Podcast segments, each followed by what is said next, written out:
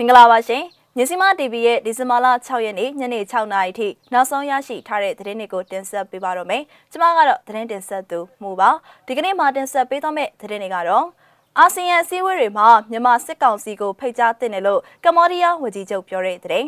။ခင်ရမြို့မြို့မရဲစခန်းနဲ့ပညာရေးမှုရုံမိုင်းခွဲခံရပြီးရဲသုံးဦးသေဆုံးဟုခင်ရပြည်သူကာကွယ်ရေးတပ်ဆိုတဲ့သတင်း။ကချင်ပြည်နယ်တရားလွှတ်တော်ရုံးရှိမှာဘုံပေါက်ကွဲတဲ့သတင်း။ အင်ဒိုနီးရှားမီးတောင်ပောက်ကွဲမှုတေဆုံးသူဥယျာဉ်မြင့်တက်လာတဲ့တဲ့အဆရှိတဲ့သတင်းတွေကိုတင်ဆက်ပေးသွားမှာပါ။ ဦးဆောင်သတင်းအနေနဲ့အာဆီယံအစည်းအဝေးတွေမှာမြန်မာစစ်ကောင်စီကိုဖိတ်ကြားတင်တယ်လို့ကမ္ဘောဒီးယားဝန်ကြီးချုပ်ပြောတဲ့သတင်းကိုတင်ဆက်ပေးပါမယ်။ကမ္ဘောဒီးယားဝန်ကြီးချုပ်ဟွန်ဆန်ကသူ့အနေနဲ့မြန်မာအာဏာသိမ်းစစ်ကောင်ဆောင်တွေနဲ့ဆွေးနွေးဖို့အတွက်မြန်မာနိုင်ငံကိုလာရောက်ဖို့စီစဉ်နေကြောင်းဒီဇင်ဘာလ6ရက်နေ့မှာပြောကြားလိုက်ပါတယ်။အဲဒါအပြင်အာဆီယံအစည်းအဝေးတွေကိုအာဏာသိမ်းစစ်ကောင်စီတာဝန်ရှိသူတွေကိုဖိတ်ကြားတင်တယ်လို့လည်းသူကပြောဆိုသွားခဲ့ပါတယ်။ဖေဖော်ဝါရီလ1ရက်နေ့အာဏာသိမ်းမှုကြောင့် ဆယ်နိုင်ငံပါတဲ့အာဆီယံအုပ်စုမှာအဖွဲ့ဝင်တနိုင်ငံအဖြစ်မြန်မာရဲ့ရည်တည်မှုဟာအများရဲ့အာရုံစိုက်စရာဖြစ်ခဲ့ပါတယ်။အဲဒီနောက်ပြီးခဲ့တဲ့အောက်တိုဘာလအတွင်းဘရူနိုင်းကအင်ရှင်အဖြစ်ကမကထပြုကျင်းပတဲ့အာဆီယံခေါင်းဆောင်တွေရဲ့ထိပ်သီးအစည်းအဝေးမှာမြန်မာအာဏာသိမ်းခေါင်းဆောင်မင်းအောင်လှိုင်ဖိတ်ကြားခံရခြင်းလည်းမရှိခဲ့ပါဘူး။ဒါအပြင်ကမ္ဘောဒီးယားအနေနဲ့လာမယ့်နှစ်မှာအာဆီယံအုပ်စုရဲ့အလှည့်ကျဥက္ကဋ္ဌဖြစ်တာဝန်ယူမှာဖြစ်ပြီးတော့ဒေသတွေအုပ်စုရဲ့အင်ရှင်နိုင်ငံအဖြစ်ကမကထပြုဆောင်ရွက်မှာဖြစ်ရာအဖွဲ့ဝင်10နိုင်ငံစလုံးကိုကိုစားပြုမယ်လို့ဟွန်ဆန်ကဒီဇင်ဘာလ6ရက်နေ့မှာ ကမ္ဘောဒီးယားအနေနဲ့လာမယ့်နှစ်အတွက်အာဆီယံအုပ်စုရဲ့အလှည့်ကျဥက္ကဋ္ဌဖြစ်တာဝန်ယူမှာဖြစ်ပြီးတော့ဒေသရင်းအုပ်စုရဲ့အင်ရှင်နိုင်ငံအဖြစ်ကမကထပြုဆောင်ရွက်မှာဖြစ်ရာအဖွဲ့ဝင်နိုင်ငံ10နိုင်ငံစလုံးကိုကိုစားပြုမယ်လို့ဟွန်ဆန်ကဒီဇင်ဘာလ6ရက်နေ့မှာပြောဆိုခဲ့ပါတယ်။ဒါကအာဆီယံရဲ့မိသားစုဝင်တနိုင်ငံဖြစ်ပါတယ်။သူတို့အနေနဲ့အစည်းအဝေးတွေကိုတက်ရောက်ဖို့အခွင့်အရေးရှိပါလိမ့်မယ်လို့ ဟွန်ဆန်ကတရုတ်ငွေကြေးထောက်ပံ့တဲ့စောက်လုပ်ရေးစီမံကိန်းတစ်ခုအတွက်ဖွင့်ပွဲအခမ်းအနားတစ်ခုမှာပြောကြားခဲ့ပါတယ်။စစ်ကောင်စီခန့်နိုင်ငံခြားရေးဝန်ကြီးဟာအင်္ဂါနေ့မှာကမ္ဘောဒီးယားနိုင်ငံကိုလာရောက်ဖို့ရှိနေသလိုဟွန်ဆန်ဟာသူကလည်းမြန်မာကိုမကြမီတွားရောက်နိုင်ခြေရှိတယ်လို့မှတ်ချက်စကားတွေမှာထည့်သွင်းပြောဆိုခဲ့ပါတယ်။မင်းအောင်လှိုင်နဲ့အတူအလုပ်လုပ်ဖို့အတွက်သူနဲ့တွေ့ဖို့ကျွန်တော်နေပြီးတော့သွားဖို့နဲ့ပတ်သက်လို့အားကောင်းတဲ့ဖြစ်နိုင်ခြေတစ်ခုရှိပါတယ်။ တကယ်လို့ကျွန်တော်အနေနဲ့ခေါင်းဆောင်ပိုင်းနဲ့အလုပ်မလုပ်ရရင်ကျွန်တော်ဘယ်သူနဲ့အတူလုပ်နိုင်မှာလဲဆိုပြီးတော့ဟွန်ဆန်ကပြောခဲ့ပါတယ်။ဟွန်ဆန်ဟာအာဆီယံရဲ့ကာလာရှည်ဆွဲကင်ထားတဲ့တနိုင်ငံရဲ့ပြည်ရင်းရေးဝေမဆွတ်ဖက်ရေး convention ကိုရည်ညွှန်းပြောဆိုခဲ့ပြီးတော့အာဆီယံပနှိမ့်ငင်အောက်မှာဘယ်သူကမှအခြားအဖွဲ့ဝင်နိုင်ငံတွေကိုထုတ်ပယ်ခွင့်မရှိပါဘူးလို့သူကပြောပါတယ်။ မြန်မာနိုင်ငံမှာဖေဖော်ဝါရီလ၁ရက်ကနိုဘယ်ငြိမ်းချမ်းရေးဆုရှင်ဒေါအောင်ဆန်းစုကြည်ဦးဆောင်တဲ့အရသာအစိုးရကိုမင်းအောင်လှိုင်ဦးဆောင်တဲ့စစ်တပ်ကဖြုတ်ချပြီးတော့မတရားအာဏာသိမ်းခဲ့ပြီးတဲ့နောက်နိုင်ငံဟာအကြက်တဲအတွင်းမှာကြာရောက်နေခဲ့ခြင်းပဲဖြစ်ပါတယ်ရှင်။ဆက်လက်ပြီးတော့ခရမ်းမြို့မြို့မရဲစခန်းနဲ့ပညာရေးမှုရုံမိုင်းခွဲခံရပြီးရဲသုံးတေဆုံးဟုခရမ်းပြည်သူကာကွယ်ရေးတပ်ပြောတဲ့သတင်းကိုတင်ဆက်ပေးပါမယ်။ ရန်ကုန်တိုင်းခရမ်းမြို့နယ်မြို့မရဲစခန်းနဲ့ပညာရေးမှုရုံးကိုမနေ့ကဒီဇင်ဘာလ9ရက်နေ့ည8နာရီမိနစ်20အချိန်မှာအဝေးထိန်မိုင်းနဲ့ဖောက်ခွဲခဲ့ရမှာရဲသုံးဦးသေဆုံးခဲ့ကြောင်းခရမ်းပြည်သူ့ကာကွယ်ရေးတပ်ဖွဲ့ခရမ်း PDF တာဝန်ရှိသူကပြောပါရယ်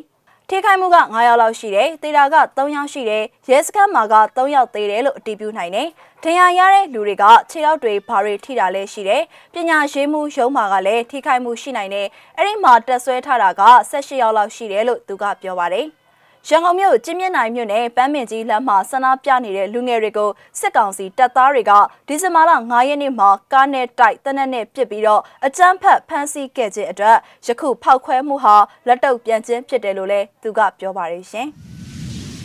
ဆက်လက်ပြီးတော့ကချင်ပြည်နယ်တရားလွှတ်တော်ရုံးရှိမှာဘုံပေါက်ကွဲတဲ့တဲ့ရင်ကိုတင်ဆက်ပေးပါမယ်။မြကြီးနားမြို့အေယာရက်ကွက်မှာရှိတဲ့ကချင်ပြည်နယ်တရားလွှတ်တော်ရုံးရှိမှာဒီကနေ့နနက်7:00နာရီခန့်ကဘုံပေါက်ကွဲကကားသုံးစီးနဲ့ဆိုင်းဘုတ်ပျက်စီးသွားကြောင်းတွေ့ရပါတယ်။တရားလက်တော်ရုံရှိဆိုင်းဘုတ်အနီးမှာဘုံပေါက်ကွဲခဲ့ခြင်းဖြစ်ပြီးတော့ဆိုင်းဘုတ်အပြင်အိမ်စီက3စီးပျက်စီးခဲ့ကြောင်းလည်းသိရပါတယ်။ အဲ့လိုပောက်ကွဲခဲ့ပြီးတဲ့နောက်စစ်ကောင်စီတပ်ဖွဲ့ဝင်တွေရောက်ရှိလာပြီးတော့စစ်ဆေးမှုတွေပြုလုပ်ခဲ့တယ်လို့သူကပြောပါတယ်။အဲ့ဒီပြည်내တရားလွှတ်တော်ရုံးဝင်တွင်မှာနိုဝင်ဘာလ30ရက်နေ့ကလည်းအသက်မိုင်းပောက်ကွဲခဲ့ပါသေးတယ်ရှင်။နောက်ဆုံးသတင်းအနေနဲ့အင်ဒိုနီးရှားမီးတောင်ပောက်ကွဲမှုတေဆုံးသူဦးရေမြင့်တက်လာတဲ့သတင်းကိုတင်ဆက်ပေးကြပါမယ်။သတင်းပြည့်စုံကိုတော့ရုပ်သံဖိုင်မှာရှုစားကြည့်ပါအောင်ရှင်။အင်ဒိုနီးရှားနိုင်ငံစီမာရူမီးတောင်ပောက်ကွဲမှုကြောင့်လူ73ဦးထပ်မံတေဆုံးခဲ့ပြီးဒါဇင်နဲ့ချီပြီးဒဏ်ရာရရှိခဲ့ပါတယ်။ ဒီဇင်ဘာလ9ရက်တနင်္ဂနွေနေ့ကချော်ရီတွေနဲ့ဖုံးလွှမ်းနေတဲ့ရွာတွေမှာအသက်ရှင်ကျန်ရစ်သူတွေကိုကယ်ဆယ်ရေးသမားတွေကဆက်လက်ရှာဖွေနေတယ်လို့